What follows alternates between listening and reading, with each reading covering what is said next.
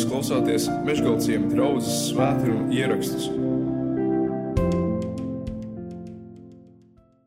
Es vēl lasīšu no tās vietas, kur jums grāmatzīme arī ir ielikta Bībelēs.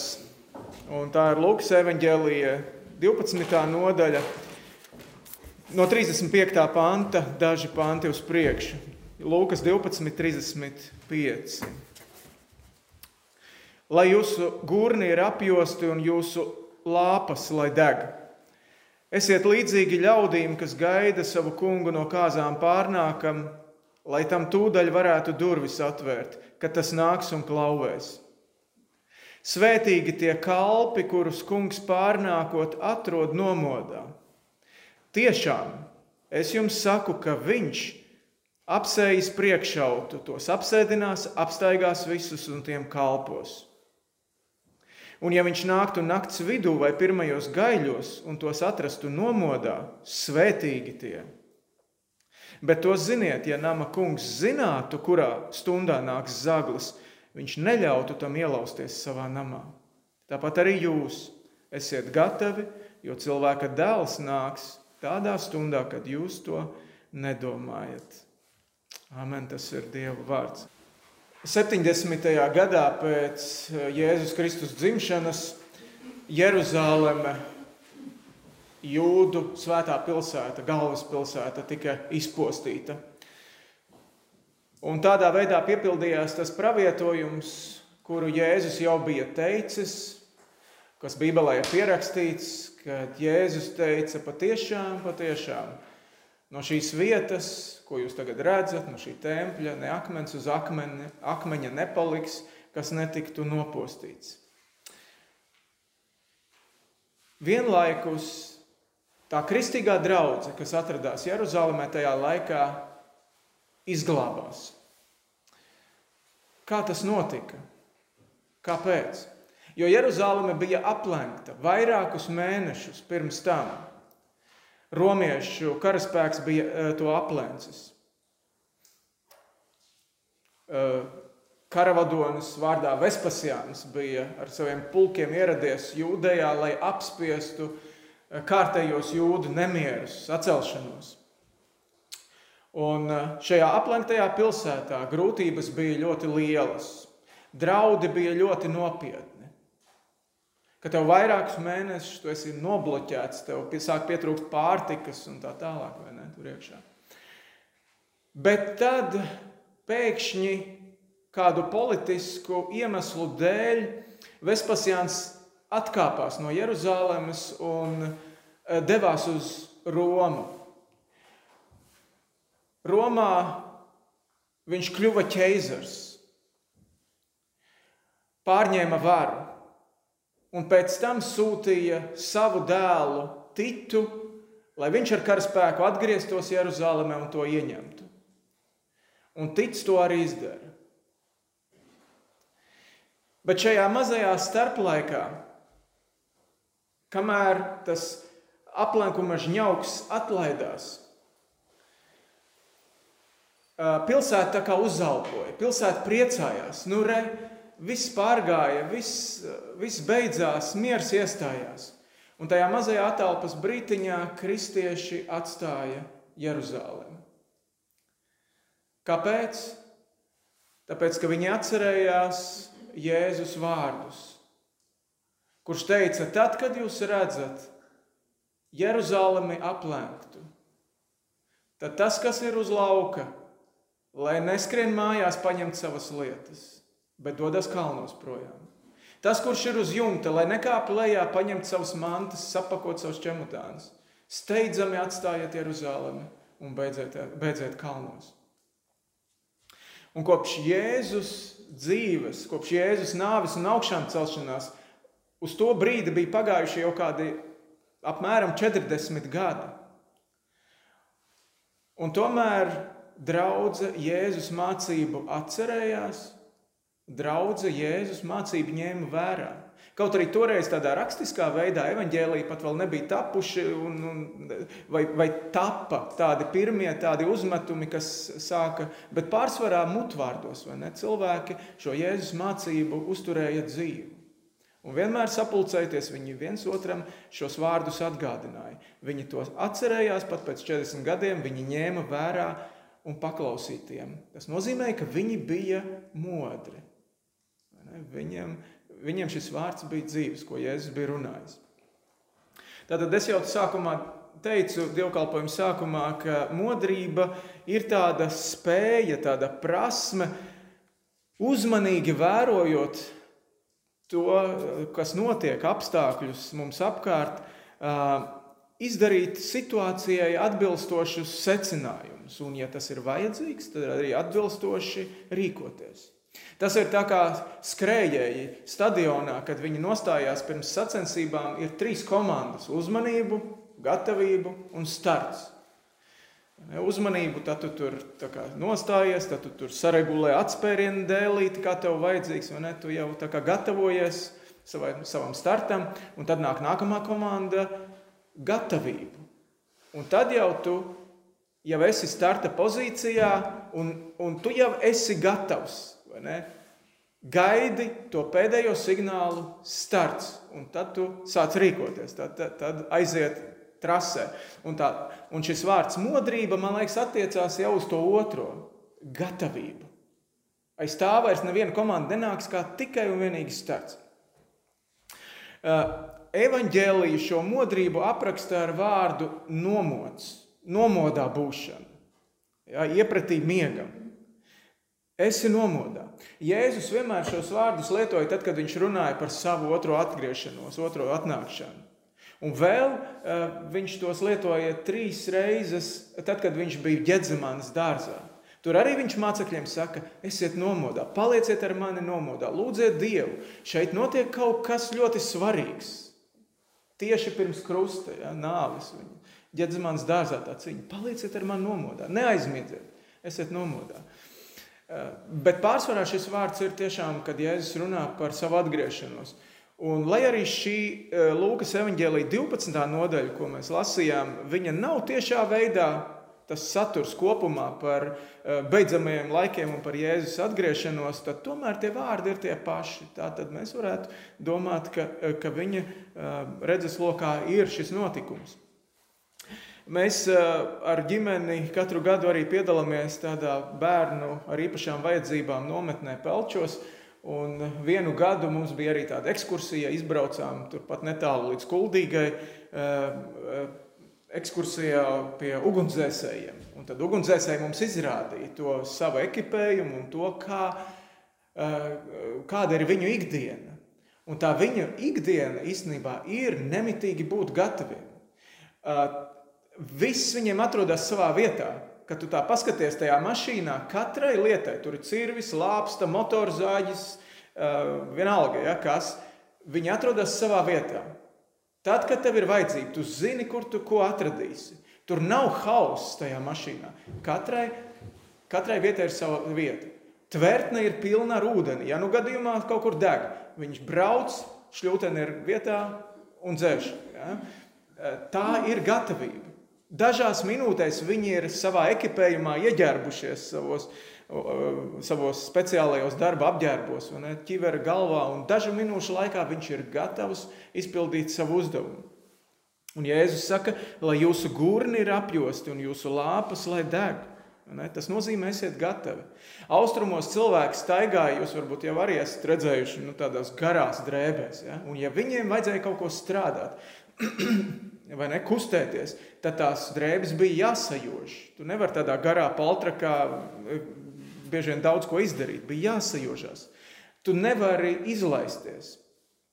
E, tu vari atla, izlaist to savu apģērbu tad, kad tu esi brīvs. Ja? Tad, kad tev ir brīvs brīdis, tad tu vari e, tā viņu atlaist. Šis uh, gurni apjosti, lāpas, lai deg, tas varbūt atgādina arī to seno notikumu, kur uh, Izraēla tauta iziet no Eģiptes verdzības ārā. Tur arī bija šī, šī gatavības pavēle. Esiet gatavi tur tajā naktī savās mājās. Gaidiet to pavēli, kad vienā brīdī būs signāls un jūs varat iet ārā no šīs verdzības zemes. Tas bija kaut kas līdzīgs. Esiet gatavi, jūsu kājas, lai ir apautas, jūsu gurni ir, lai, lai ir sajosti. Uzmanību, gatavību, gaidiet komandu starts. Tas varbūt atgādina arī kādu citu Jēzus līdzību par desmit jaunavām, kuras arī paņēma savus lukturus un izgāja gaidīt to līgavaini, kurš teica, ka nāks, par, kurām, par kuru viņa, viņas zināja, ka viņš nāks. Tas ir aprakstīts Mateja evaņģēlī 25. nodaļā sākumā. Un, un kad viņas gaidīja tajā naktas vidū, viņas visas aizmiga. Visas desmit iemīga, tur ir rakstīts tajā līdzībā. Un tā problēma jau nebija varbūt tik daudz, ka viņas uh, iemīga un gulēja tajā brīdī. Ja? Nu, savā veidā mums visiem naktī nāk miegs. Tā problēma bija tā gatavība, ka tad, kad atskanēja signāls, nu viņš nāk tagad, ka tās piecas izrādījās nu, ne īsti gatavas. Viņām tas tā eļļa bija pamaz un, un dzis lukturi nost. Un, un izrādījās, ka tajā brīdī uh, kļūdu labošanai vairs nebija laika. Ja mums kādreiz liekas, tad, kad bērni arī raksta savus pārbaudas darbus, tad nu, kaut kā jau uzrakstīs, un tad skolotāji vai ne tur gan jau, ka to atzīmi varēs izlabot. Tā, tā kādreiz mēdz būt, ka tu vari savus kļūdas labot, bet tajā brīdī kļūdu labojumam laika vairs nav.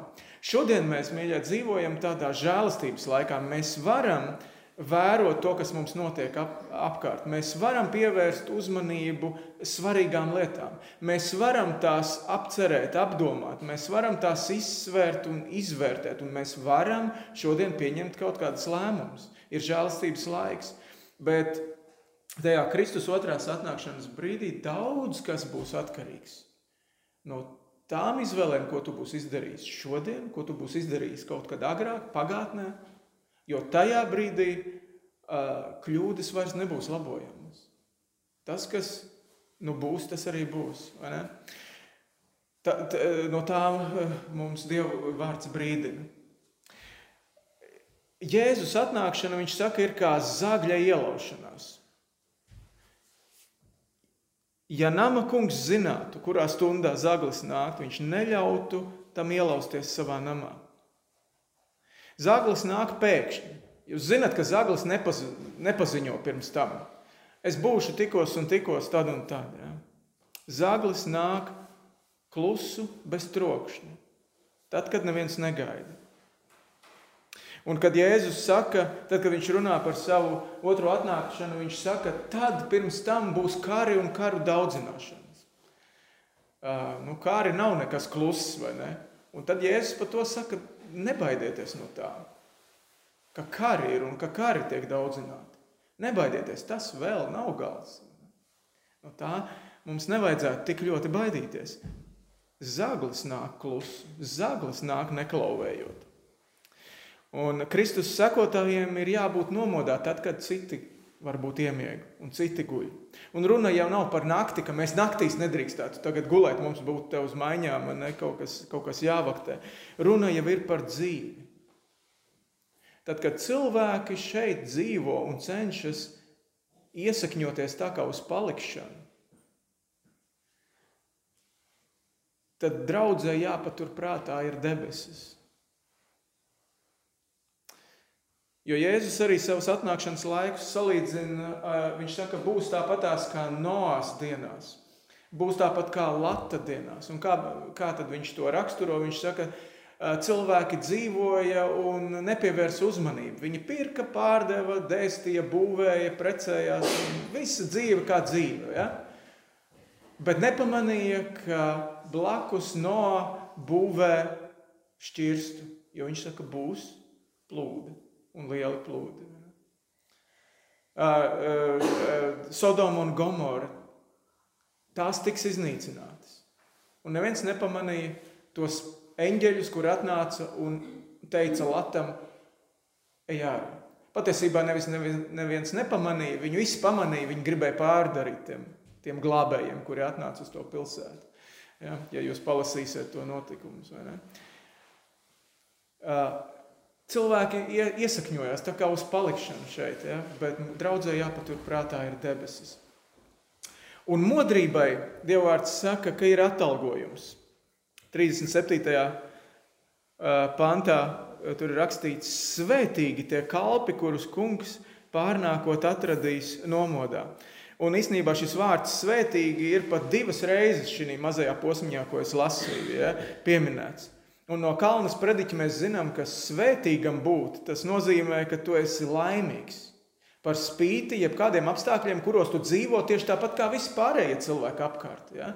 Mēs jau neesam nekādā veidā, kā dievu bērni, izolēti no, no apkārtējās sabiedrības. Mēs tāpat tās piedzīvojam visus tos pašus, tās pašas krīzes, tos pašus karus, tos pašus nelaimes, tos pašus negaisus, kas ir un vir, virpuļu viesuļus, kas nāk pāri. Ja? Mēs jau to pašu piedzīvojam, bet tā svētība, tā laime ir neatkarīga, neatkarīga no visa pārējā. Un viņš saka, jūs esat svētīgi, jo kungs, ja jūs būs, ja būsiet atrasti eh, nomodā, modri, kungs apstaigās visus un tiem kalpos.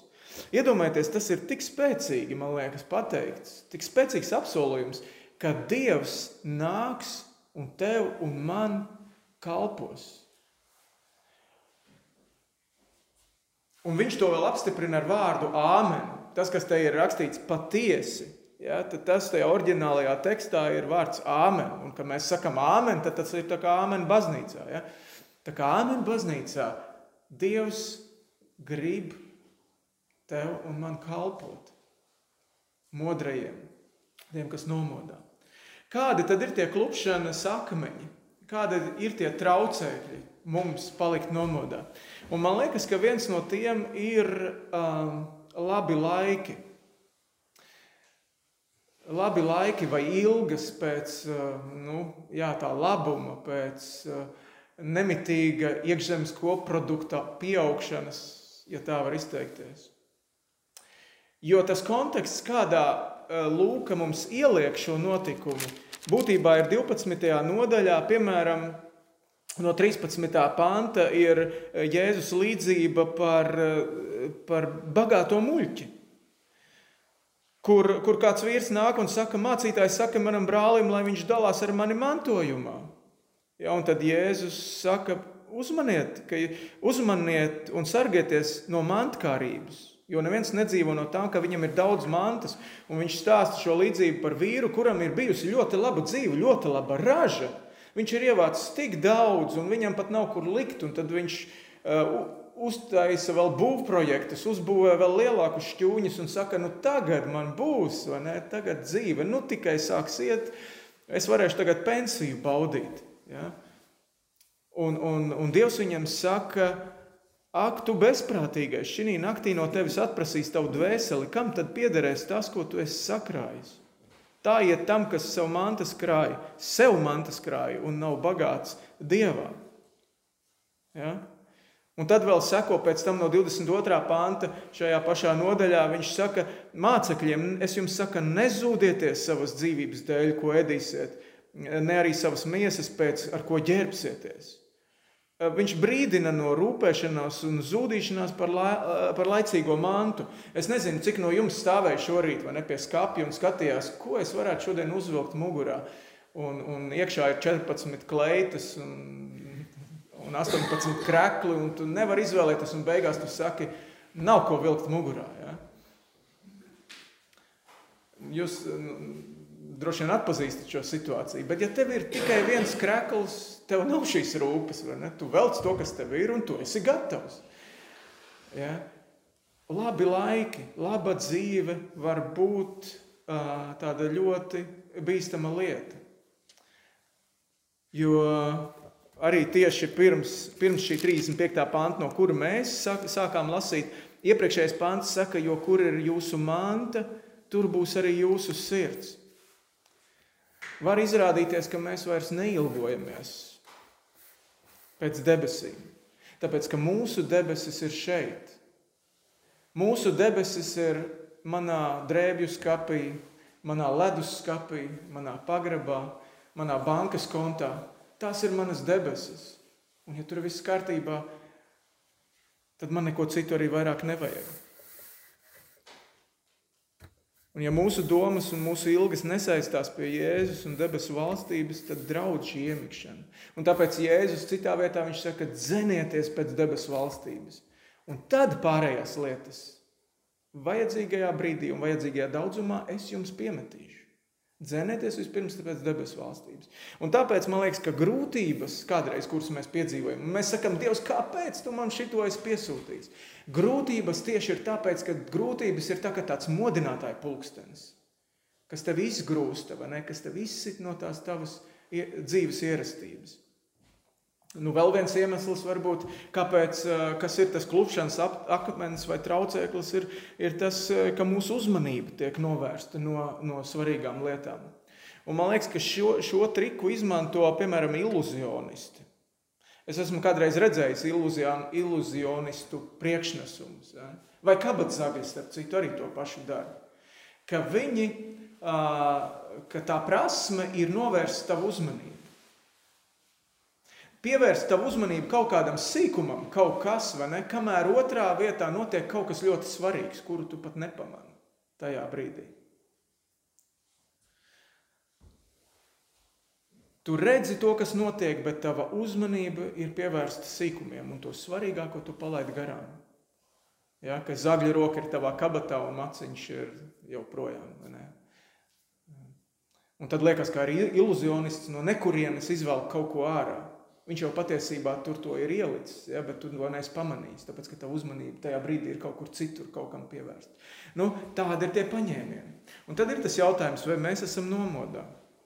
Nomodā esošs cilvēks reaģē aktīvi uz to apkārt notiekošo. Ja? Tikai guļošs cilvēks nereaģē uz to, kas notiek apkārt. Mums ir jāiemācās lasīt šodien sev apkārt notiekošo. Tāpat tās, kā mēs mācāmies bērnībā burtus lasīt un salikt vārdiņus kopā, vai ne, lasīt grāmatas, tāpat mums ir jāiemācās lasīt laika zīmes. Un Jēzus atstāja diezgan daudz pieturas punktu, ja, eh, uz ko skatīties. Jo citādi tas lielais iluzionists, kas grib mums tās acis aptumšot, eh, tas, tik, tas liks mums pukoties par šīs dzīves kaut kādiem sīkumiem un nepamanīt tās lielās un svarīgās lietas.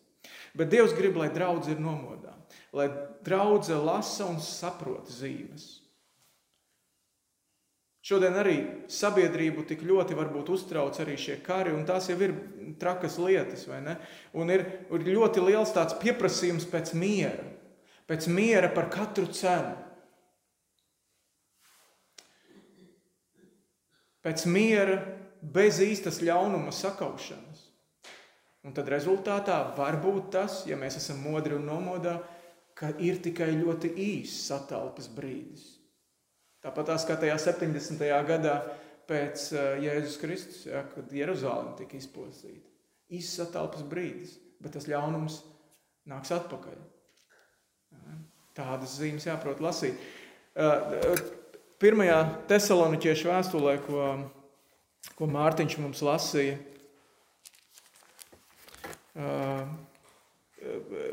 Pāvils saka, bet par laiku un stundu brāļi man jums nav jāraksta, jo jūs paši labi zinat, ka tā kunga diena nāk tāpat kā zaglis naktī, kad sacīs, nu ir miers un drošība, tāpat tās kā Jeruzalemē toreiz. O, oh, beidzot, nu ir miers un drošība, tad pēkšņi par viņiem nāks posts, kā dzemdību sāpes pār grūtnieci, un viņi nevarēs izbēgt.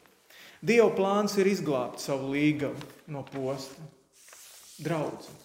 Tāds ir Dieva plāns. Un tas darbojas jau tagad. Jēzus teica Jāņa evanģēlijā 5.24. Patiesi, patiesi es jums saku, kas manus vārdus dzird un tic tam, kas man ir sūtījis, tam ir mūžīgā dzīvība, un tas nenāk tiesā, bet no nāves ir iegājis dzīvībā. Tas apiet visu to, to tiesas procesu.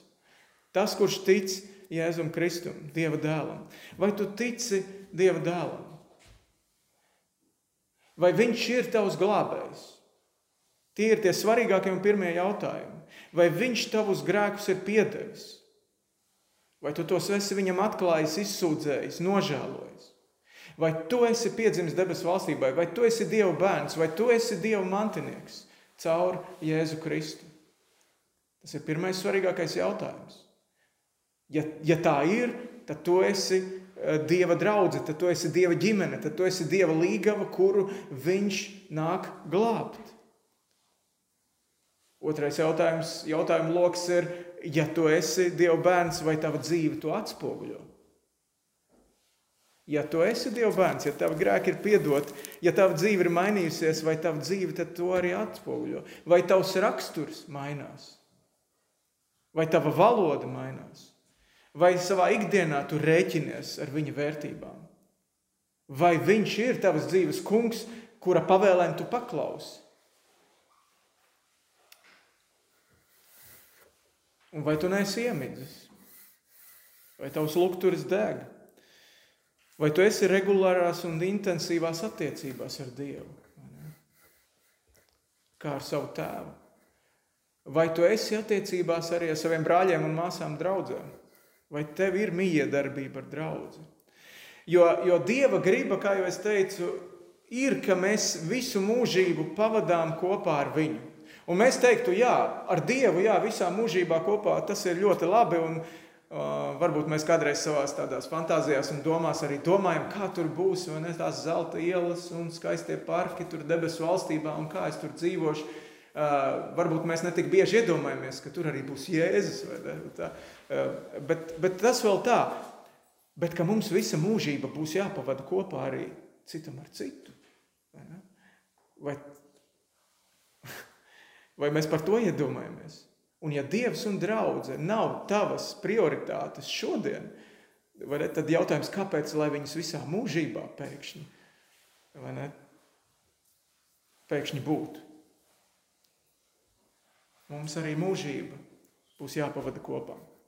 Tāpēc negulēsim tādos rozās sapņos par šo dzīvi. Atklāsmes grāmatā Jēzus kādai draudzēji saka, ka Mm. Es zinu tavus darbus, tev ir vārds, ka tu dzīvo, bet tu esi miris. Un tad viņš saka, uzmosties un stiprini tos, kas taisās mirt, jo es neatradu tavus darbus pilnīgus mana Dieva priekšā. Atceries tāpēc, ko tu esi dabūjis un dzirdējis. Tūri to un atgriezies. Ja tu nebūsi nomodā, es nākšu kā zaglis, un tu nezināsi, kurā stundā es nākšu pār tevi. Un tas ir man, mana vēlēšanās šodien bija, un arī mans pienākums - mosties pašam. Ne? Negulēt, neignorēt, gaidīt. Un arī, arī mudināt un modināt jūs būt modriem. Lūksim Dievu. Kungs, Jēzu, mēs ticam un zinām, ka Tu nāksi Uh, un to neviens nezina, kad tas būs. Un paldies Dievam, kad es zinu. Ir, tas ir tavs noslēpums, tas ir tavs laiks un tā ir tava ziņa.